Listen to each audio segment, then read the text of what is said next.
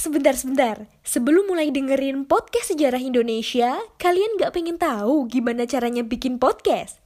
Yakin? Gak susah kok. Coba deh download Anchor Podcast. 100% mudah, 100% gratis. G30S Gerakan 30 Sep Eh, bukan. G30S, Gaung 30 September Podcast Sejarah Indonesia. Dimulai dari hari ini sampai 30 hari ke depan. Kalian bakal dengerin episode spesial dari kami. Penasaran kan? Pokoknya dengerin deh Podcast Sejarah Indonesia. Dalam G30S adalah Udah, Saya kecewanya tidak banyak tesis maupun disertasi S2, S3 di UI dan UGM yang menulis atau mengungkapkan abad 15 ke belakang. Baik, Assalamualaikum warahmatullahi wabarakatuh. Sobat Podcast Sejarah Indonesia, Poseidon, Sobat Masa Lalu. Kembali lagi bersama saya Taufik Harpan Aldila di sini. Dan kali ini kita di Gaung 30 September Yang mana kita akan ketemu dengan orang-orang hebat, orang-orang kece Ataupun main ke museum. Dan kita akan benar-benar ketemu sama orang-orang pakar, sejarawan, dan yang lainnya. Nah kebetulan pada kesempatan kali ini uh, Luar biasa banget bisa ketemu salah satu, ya dari beberapa tulisan-tulisannya smart woman ya Bu. Saya perkenalkan Ibu Upi Saraswati apa kabar Ibu? Baik Mas Taufik. Alhamdulillah sudah kemarin terakhir kita ketemu di UI Bu ya. Iya. Ya. Saya dengan jelas melihat Bu Upi itu paparan itu apa ujian terbuka ya Bu ya. Iya ujian terbuka setelah ujian tertutupnya bulan Maret itu saat Mas Taufik Iya, datang bulan September. Oh iya iya karena memang eh, berarti itu menyelesaikan gelar doktoralnya Bu Upi berarti ya Bu ya. Iya gelar doktornya. Hmm, karena waktu itu Bu Vi pemaparan saya juga ikut deg-degan gitu karena dosen-dosennya di depan lu- luar biasa banget ngeliatin Bu Vi wah sampai segitunya emang cita-cita dari dulu pengen dokter jadi dokter sejarah atau gimana tuh Bu? Kenapa suka sejarah dulu di Iya. itu Bu? Jadi eh, saya dibesarkan pada satu keluarga yang memang habitnya itu sejarah. Hmm. Ayah saya guru besar sejarah arkeologi tapi bidangnya arkeologi Islam gitu ceritanya Mas iya, Taufik. ah, ah. Jadi kecil itu kami tidak pernah diajak ke toko atau ke mana. Tapi kalau nggak ke museum ke toko buku Waduh. atau ke candi.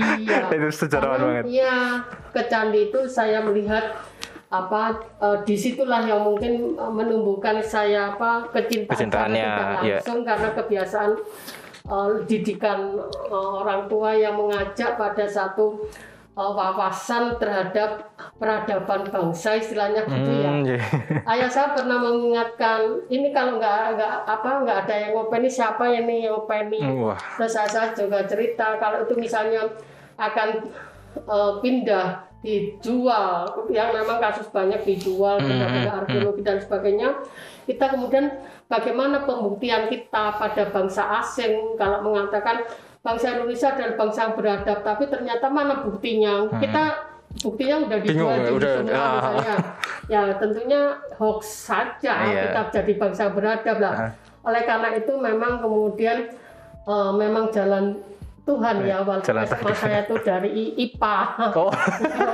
Iya, iya, iya. Cita-cita saya itu aslinya bukan jadi dokter tapi dokter. Oh, jadi bukan dokter tapi dokter ya teman-teman. Iya, saya itu apa eh, seneng dengan Ah. pelajaran anatomi, kemudian Oh. fisika saat itu, tapi ya karena pilihan saya itu saat itu ada pilihan kedua diterima karena Ya. memang tadi jalan Allah. Hmm. Saya eh, sangat kecewa pertama masuk di sejarah. Artinya yang ngajar itu al- apa ayah saya Ah, sendiri, iya. kemudian saya juga eh, dari SMA di mana Iya. sempat minder masuk IKIP Malang saat itu S1 karena apa? Teman-teman saya dari PGA itu kalau namanya guru pinter ngomong, saya enggak lah itu berangkat dari itu Hmm. saya punya tekad untuk menyelesaikan S1 saya di IKIP Malang Sejarah Hmm. dalam waktu yang cepat. Wah. Karena kenapa waktu yang cepat itu yaitu tadi ayah saya mengatakan "Oh, ayah memberikan ultimatum ke kamu karena saya dari apa eh, keputusasaan Hmm. atau katakan pelarian saya pada Oh, iya, iya, iya. seperti itu eh, saya sering main mainnya Hmm. juga nggak nggak main nakal ke mana-mana tapi Ah. ke candi dengan teman-teman saya itu yang nah terus saya saya ini kok anak kok suka main terus Iya. saya dipanggil harus kamu segera selesaikan ini kuliah ya udah tiga setengah tahun saya selesai dengan skripsinya sejarah yang saya ambil adalah tentang posisi dan sumbangan Parindra Parindra. yang didirikan yang eh, partainya Gerindra Hmm, kakeknya ya, eh, eh, Prabowo, ya. ya. saya melihat di ensiklopedia itu bahwa Parindra adalah partai oportunis lah ada partai kok oportunis di ternyata Iya, iya. setelah saya baca oportunisnya Parindra itu karena Parindra memandang bahwa dia akan bersikap dengan pemerintah Hindia Belanda masalah pendidikan Mm-mm. kooperatif, Iya. tapi kalau non kooperatif kalau masalah perjuangan, jadi tidak Oh. ber- apa bekerja sama dengan Belanda. Jadi istilahnya berdiri di dua kaki. gitu. Iya, nah itu yang kemudian jadi sorotan Mm-mm. Hatta dan Soekarno sebagai anak muda karena kita tahu Parindra kan didirikan oleh Dr. Sutomo Iya. yang relatif sudah makan asam garam. Nah, Sutomo mengatakan apa arti kemerdekaan Iya. kalau tidak diisi dengan pendidikan. Pendidikan, betul. Nah, itu Parindra menyadari faktanya bahwa saat itu tahun 30-an itu pemerintahan adalah pemerintah Hindia Belanda Iya. yang memegang peran penting dalam dunia pendidikan. Itu uh, skrip saya S1. Terus kemudian karena saya tadi kuliah cepat dengan IP paling Tinggi bu. tinggi satu Sebentar bu, teman. tiga tiga setengah tahun tiga setengah tahun itu hitungannya sama kayak sekarang nggak bu? Cepet, cepet nggak? Ya cepet mas, Cepet ya? Cepet. Tapi saya juga eh, saya eh, tertantang karena itu tadi kalau saya bodoh mesti teman-teman saya membuli ya, istilah anak sekarang. Ah iya iya. Anaknya dosen kok bodoh. Ya ini dia. pinter. Anaknya dosen ya mesti saya pinter Ah, kalau wajar, justru itu ya, saya akan justru itu saya tunjukkan pada teman-teman akhirnya saya memang duduk di senat bagian penalaran seminar jadi orang harus tahu saya saya bukan Hmm. anak seorang sejarawan Ya atau ya gimana. ya betul betul. Sampai kemudian saya hijrah ke Semarang, Hmm. saya dulu ikut Semarang. Jadi pindah nih dari Jawa Timur ke Jawa Tengah ya Iya, bu. tanpa saudara, tanpa bolo pandowo, Bolo bolo. Kurowo ya. Nah, Itu saya eh, tekad bagaimana saya dengan idealisme saya yang tadi eh, masuk. Oke. Ter- eh, saya pertama mengasisteni memang sejarah pergerakan, sejarah Pergerakan, ya. Tapi kemudian saya kembali ingat masa Hmm. kecil saya yang candi tadi. Sering main di candi tuh. Ya kan tidak ada yang ngopeni. Ah. Ini kalau dicuri siapa? Iya. Karena saat itu saya membaca di koran tahun 90-an Iya. banyak arca-arca Iya. kedok yang ada di Candi Bimadi yang itu dicuri Oh. oleh para apa eh, dicuri kemudian pencurinya ini memenu- inilah memenuhi nafsu Oh iya iya. iya. memenuhi nafsu para kolektor Oh Nah, untuk kolektor dijual lagi ya bu. ya, dijual. Nah sejak itulah saya kemudian eh, ber- ber- berpindah haluan saya tidak lagi ke, Ke pergerakan. pergerakan tapi ke Hindu Buddha. Hindu Buddha. Dari situlah saya juga membaca adanya prasasti Sojomerto saat itu temuan Hmm, hmm. eh, teman-teman IKIP Semarang Iya. senior Pak Waryun, kemudian Pak Umar, itu yang menemukan prasasti Sojomerto. Susunya itu Hmm. dari IKIP Semarang. Apa tuh isinya? Prasasti Sojomerto. Prasasti Sojomerto adalah satu prasasti yang ditemukan di Kabupaten Batang Hmm. yang memuat tulisan dengan indikasi jauh lebih tua daripada eh, apa prasasti yang sebelumnya katanya prasasti paling tua Canggal, tapi Canggal. ternyata hurufnya itu hurufnya Palawa. Oh. Kemudian di situ juga prasastinya terbaca selama ini oleh Bukhari, Ali Abidal itu terbaca lebih tua. Nah, Oh. Dari situ kemudian saya termotivasi untuk lebih mendalami Hindu, Hindu Buddha. Budanya. Ya. Kemudian kenapa saya S2-nya juga di arkeologi? Iya. Ya tadi saya mengharapkan bahwa generasi teman-teman yang mendengarkan saat ini Hmm. juga suhunya itu tadi sejarah adalah sesuatu eh, kemewahan Iya. kemewahan yang suhunya orang belajar sejarah berarti sudah tidak lagi memikirkan duniawi Iya. Sejarah itu macam-macam masa lalu, masa kini, masa depan ya. Nah, justru itu karena sejarah itu kenapa kok tidak mau memikirkan ke dunia Iya. lagi berarti satu kemewahan yang Iya. sebenarnya perutnya sudah terisi penuh jadi ini sudah kenyang tidak perlu lagi dia mencari yang untuk memenuhi perut Iya. tapi sudah harus mau sudah orang sejarah itu sebenarnya Brahma karena sudah mem- Pikiran. memikirkan memenuhi otaknya. Menurut saya. Otaknya penuh banget itu sejarah. Hanya saya juga nggak menyesal saya nggak jadi dokter tapi jadi Dokter. Oke, Masalah tadi menarik dari pergerakan, kok tiba-tiba masuk di Hindu Buddha itu karena tadi galaunya ke candi ternyata. ya, Kalau galau ke candi, mainnya ke candi kayak gitu. Nah, eh, yang menjadi ketertarikan di saya kenapa kok kemudian eh, ketertarikan saya untuk nanya adalah kenapa sih Bu Uvi kok pada akhirnya selain itu nggak kok ngambil arkeologi sedangkan kita tahu kan Bu arkeologi di Indonesia kan sedikit banget di beberapa universitas pun kayak gitu gitu loh Bu. Iya. Karena gini,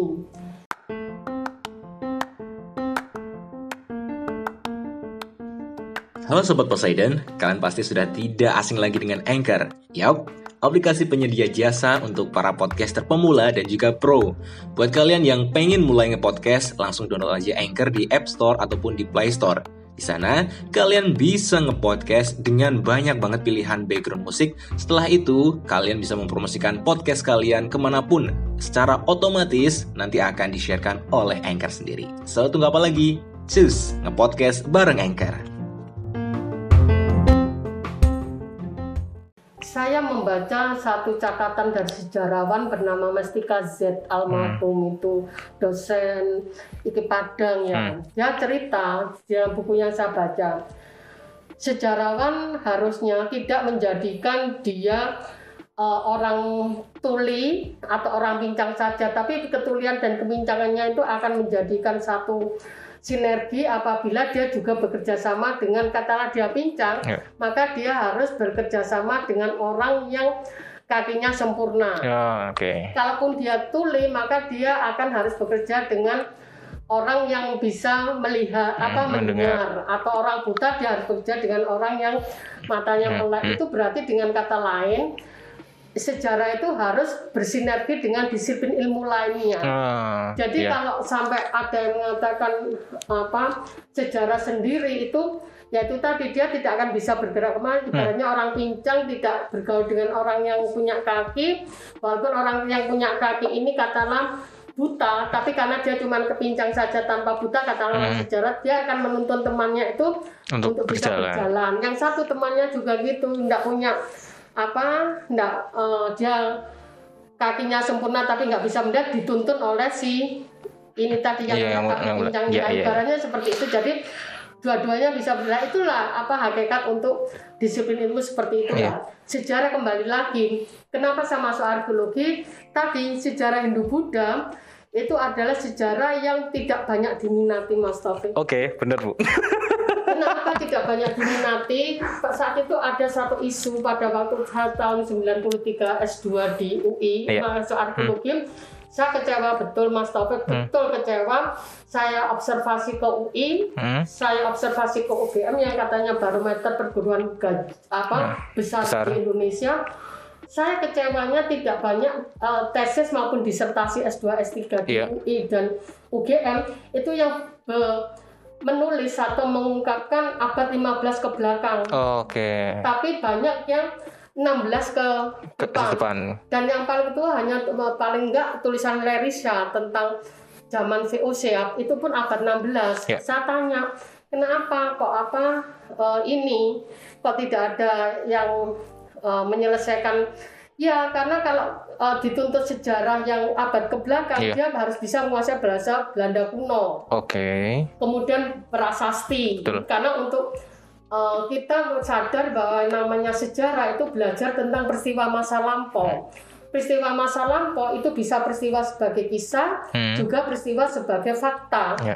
Lah, pada yang namanya ilmu yang diberikan seorang guru, diberikan dalam ruang kelas, ruang perkuliahan itu haruslah sejarah sebagai fakta, Ya. harus objektif. Objektif, betul. Nah karena objektif inilah kemudian eh, tadi eh, dia harus berdasarkan berita atau catatan tertulis. Ya, sumbernya jelas. sumber Hmm. tertulis untuk abad 15 ke belakang itu tadi. Kalau enggak bahasa pras ber- Belanda arsipnya Iya. pra- bahasa Belanda Belan- kuno atau prasasti. Nah ini para sejarawan meng- menghindari Oh, menghindari oke. menghindari prasasti sama bahasa Oke. Belanda kuno kapan selesainya kalau saya itu Iya, iya. Terus ya sudah jadi dia tidak mengambil tema tema Ah. itu kenapa Iya. tidak mengambil tema 15 ke belakang, Belakang itu karena itu tadi karena bahasa dan yang Nah, iya hmm, kendalanya, kendalanya itu. Saya orangnya memang orang nekat. Mungkin cinta dengan tantangan ya, Bu. Ya, tantangan Iya. seperti itu Mas Taufik lah. Terus kemudian saya apa eh, memutuskan saya kok sempat bertanya sama kalau begitu eh, jurusan apa yang mempelajari atau mau mengajarkan saya nanti pada pembacaan prasasti Ya, sebagai hmm, pembuktian Iya. apa Sumber. saya Hmm. itu untuk kritik sumber bahwa candi itu tidak hanya romantika jadul bahwa saya sempat sakit hati juga memang. Kalau sejarah katanya kalau yang, menanggapi Hindu Buddha apa me- mempelajari Hindu Buddha katanya ah itu cuma romantika jadul. Itu bagi orang-orang yang tadi abad-abad Yang ke depan. yang ke depan. Itu saya ingin membuktikan bahkan kemudian saya tantang yang mengatakan romantika jadul itu sesungguhnya orang yang tidak sadar pada sejarah awal Indonesia ada. Hmm. karena apa kita tahu bahwa munculnya kemerdekaan itu ti- tidak langsung tiba-tiba merdeka tapi ada awal peristiwa-peristiwa etapa sebagai suatu embrio Iya. kesadaran nasional untuk jadi lepas dari pemerintah Hindia Belanda itu siapa Tamrin, Yamin, Hatta, itu orang-orang yang suka membaca Soekarno. Dia kemudian mencari kalau kita mau merdeka, apa yang kita banggakan?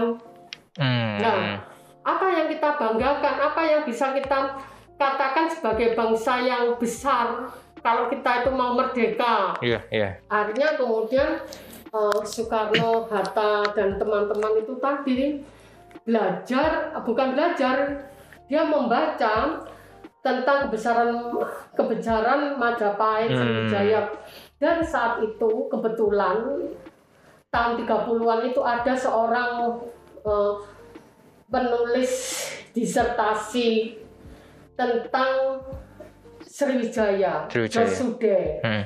dalam bukunya yang terkenal adalah bukan buku tulis bukan buku tapi tulisan disertasinya yang sangat monumental di dunia yang dikenal dengan Le Royaume de Sriwijaya. Oh, Oke.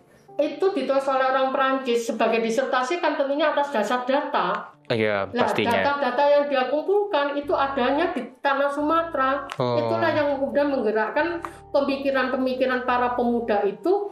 Loh, oh ternyata tanah saya Nah. yang sekarang namanya Nusantara atau satu belum mengenal Indonesia Dulu ada ada. besar. Iya. Ah, Sriwijaya, Sriwijaya. dan itu tidak hoax karena ada Ada buktinya. gitu loh. Nah itu yang kemudian menyadarkan Hatta yang kemudian bersama teman-temannya yang jadi apa pemuda yang beruntung politik etis kemudian Iya. terbelalak.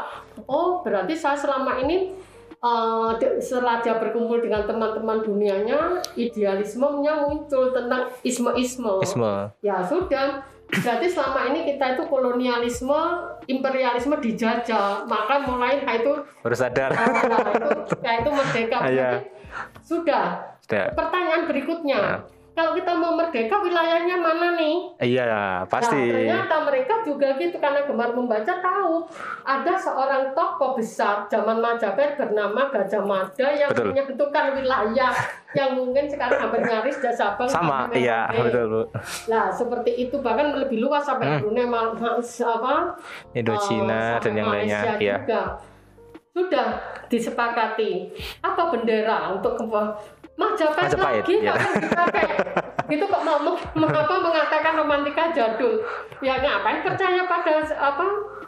eh, ini satu data yang memang ada Ada. dan kebetulan kita karena kuasa Tuhan tadi Majapahit beruntung muncul kebesaran Islam Demak Iya. naskah-naskah eh, Majapahit itu disimpan di Bali dan Hmm. ini terbaca oleh Tamren teman-temannya bahwa ada bendera merah putih sebagai bendera, Bendera. Majapahit ini diambil terus belum lagi lambang kita apa muncul mythical bird bukan burung Garuda ya Iya, oh, Mythical benar, bird mythical bird. burung burung mitos Burung mitos, benar. Garuda sampai sekarang burung apa jenis serangka kan nggak Ah, ada ya dari situ eh, kita ada tulisan Bhinneka Tunggal Ika. Ini dari ambil mana? Dari pecahan apa? Dari satu jargon Majapahit. Tanharna Nah. Dharma Mangrwa Mitreka Satata Bhinneka Tunggal Ika. Ya. Dharma Diaksaka Saiwan, Dharma Diaksaka Sogata Hindu Buddha Rukun ini yang bisa mencerminkan suku bangsa yang saat itu. Kemudian muncul embrio yang kedua setelah muncul ke apa tadi ras- eh, rasa kebangkitan nasional Iya. bangkit untuk merdeka. Betul. Etapa kedua adalah pemuda, eh, Sumpah Pemuda. Sumpah pemudanya. Sumpah Pemuda tadi telatannya dari Majapahit ceritanya. ya apa tadi mau merdeka pada satu wilayah Iya. di mana sudah ada penduduknya. Mm. Walaupun sifatnya masih lokal sporadis, bisa nggak ini disatukan dalam satu ikatan? Artinya ya sudah, kami bangsa Indonesia satu tanah air wilayah dulu yang Iya, disatukan. satukan. Udah Dihafalkan tuh Mas Taufik kan? Enggak. Tapi kemudian ada tanah dulu. Tanah dulu. Nah, kalau suruh menghafalkan itu bolak-balik bangsa bahasa enggak tanah, Tanah dulu. dulu. Setelah tanah, di tanah itu ada bangsanya. Sak bangsa. Bangsa. Bangsanya itu apa bisu? Enggak ngomong Enggak dong. Bahasanya apa? Bahasa. Itu Iya. jadi tanah air, bangsa, Bangsa dan bahasa. Itu embrio yang kedua. Sampai ke merdeka. Iya. Nah, itu artinya semua tidak terlepas dari apa yang disebut dengan sisa-sisa peninggalan masa lampau. Peninggalan masa lampau sebagai satu bukti peradaban yang baik yang dalam disiplin ilmu itu adalah arkeologi gitu loh Mas Hmm, iya, iya, iya. saya tadi kembali lagi kembali ke laptop lagi. Jadi saya tadi eh, tahu kalau saya S1-nya dari eh, Bu, tadi pertanyaan karena Iya. haluan harus pindah. Pindah. Ya udah saya kayak bunuh diri masuk arkeologi Oh. supaya saya bisa membaca prasasti-prasasti tadi Berarti Bu, sebentar, Bu Uvi S1-nya itu kependidikan ilmu kependidikan Kependidikan. S1 sejarah S1. Tapi pas ke S2-nya S2-nya S2 arkeologi arkeologinya. Iya. Wah, ini kan ya bener tadi kayak bunuh diri. Iya, kayak iya, semacam tapi bunuh dirinya adalah untuk menyelamatkan aset Wah, bangsa. ini dia. Ini. menyelamatkan aset bangsa yang nggak paham. Eh, Ini selepas smart moment. Nah, ya kan itu tadi kita mau merdeka ya saya karena idenya ya itu tadi Eh, maaf Hmm. Eh, Sutomo apa arti kemerdekaan tanpa pendidikan kita Hmm. juga gitu apa artinya kita bangga dengan peradaban kalau tidak ada bukti gitu Iya. nah ya udah masuk arkeologi Wah, itu langsung ini. Ada cerita menarik nggak sih Bu tentang arkeologi?